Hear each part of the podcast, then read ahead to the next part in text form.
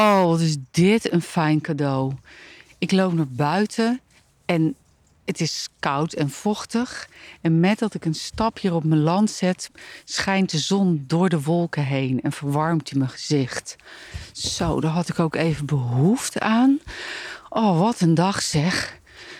Ik merk aan mezelf dat het me toch energie kost als mensen lelijk doen of mensen met gestrekt been ergens inkomen de aanval inzetten zonder te weten waar, waar ik of een ander vandaan komt.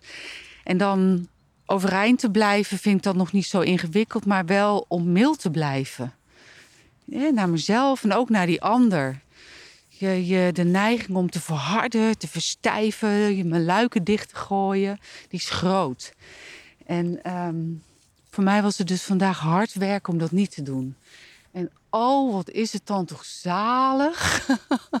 Echt, ik, ik zak er bijna van door mijn knieën.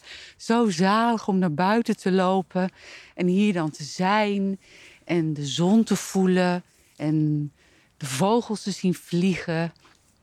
En het, het, het, het gewoon, het lekkere van alles wat er is, zonder dat het vecht of niet vecht of vlucht of strijdt of gewoon zijn hier buiten. Een beetje rondkeutelen. Ik loop hier lekker bij de poel. Het water is prachtig helder. Ik zie er nog wat hele kleine beestjes overheen gaan. Maar het, de, het leven is natuurlijk wat aan het afsterven.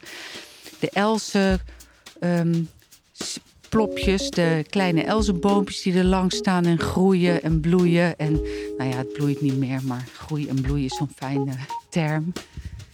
Ja, dat dus. Gewoon even hier lekker buiten zijn.